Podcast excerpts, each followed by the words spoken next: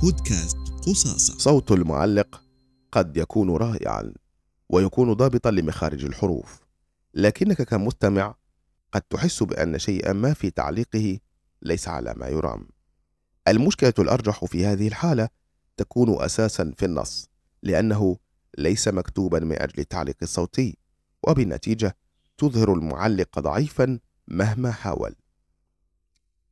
أنا سعيد كان وهذا مدخل إلى التعليق الصوتي.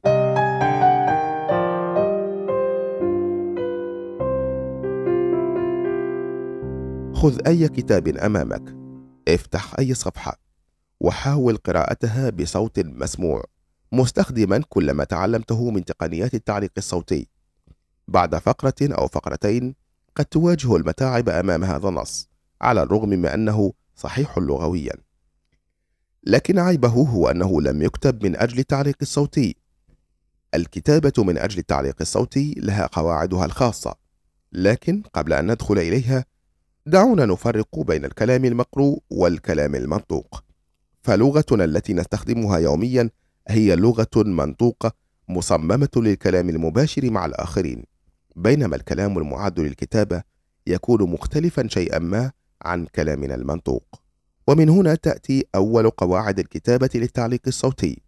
ففي كتابتنا يجب أن نحرص على جعل النص كأنه كلام منطوق لننقل الانطباع للمستمع أننا نحدثه مباشرة. القاعدة الأساسية في الكتابة من أجل التعليق الصوتي هي الجمل القصيرة والأسباب هنا كثيرة لاستخدام الجمل القصيرة بدل الطويلة أول هذه الأسباب أنه كلما طالت الجملة كلما كبر احتمال ضياع معنى الكلام.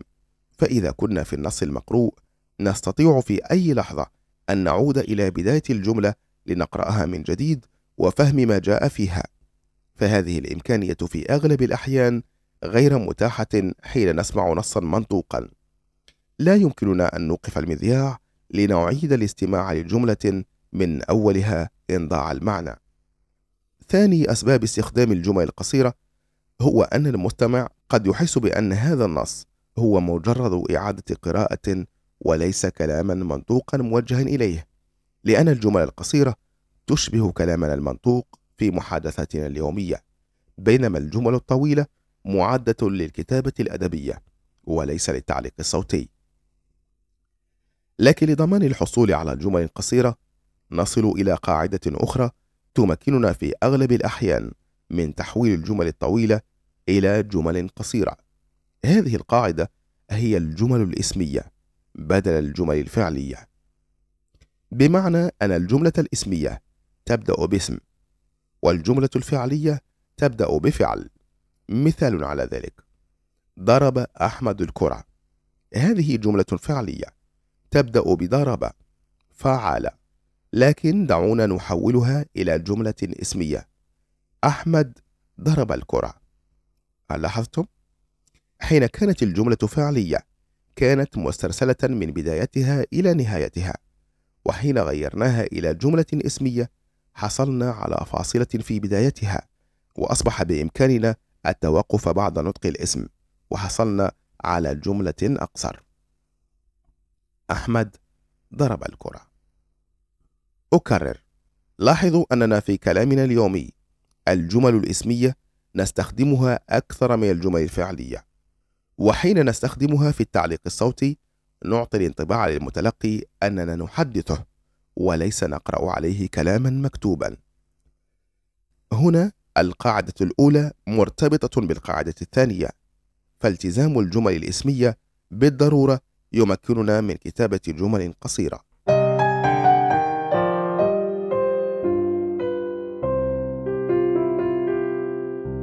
قاعدة أخرى في الكتابة التعليق الصوتي مهمة جدا هي تجنب العكاكيز. لكن ماذا نعني بالعكاكيز؟ هنا نقصد بها بعض الحروف والكلمات التي نتكئ عليها للمرور إلى الكلمة أو الجملة الموالية. مثال وكان الشيخ متعودا كل صباح على ذلك بحيث يغلي قهوته ثم ينزل من سقيفته ويخالط الناس.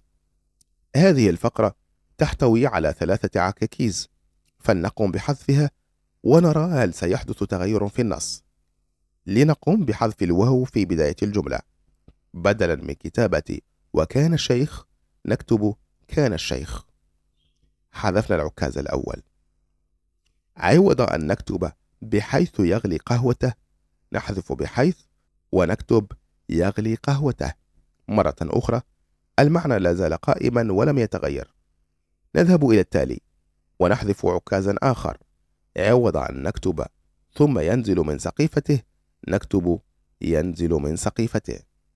الآن لنعيد قراءة الفقرة بعد حذف العكاكيز. كان الشيخ متعودا كل صباح على ذلك. يغلي قهوته ينزل من سقيفته ويخالط الناس. هل لاحظتم؟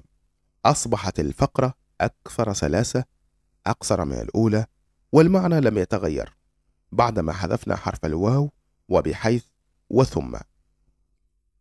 كل ما يمكنك حذفه من النص دون أن يتأثر المعنى هو عكاز يثقل النص ويستحسن التخلص منه وترك النص بدون شوائب.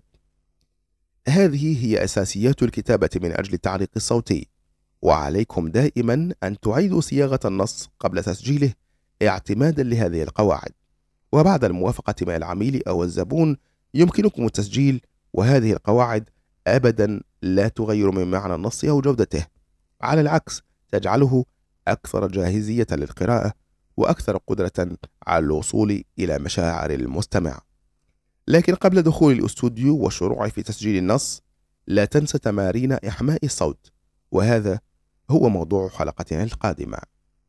إلى أن نلتقي كن جاهزة للحلقة القادمة ولا تتوقف عن المحاولة.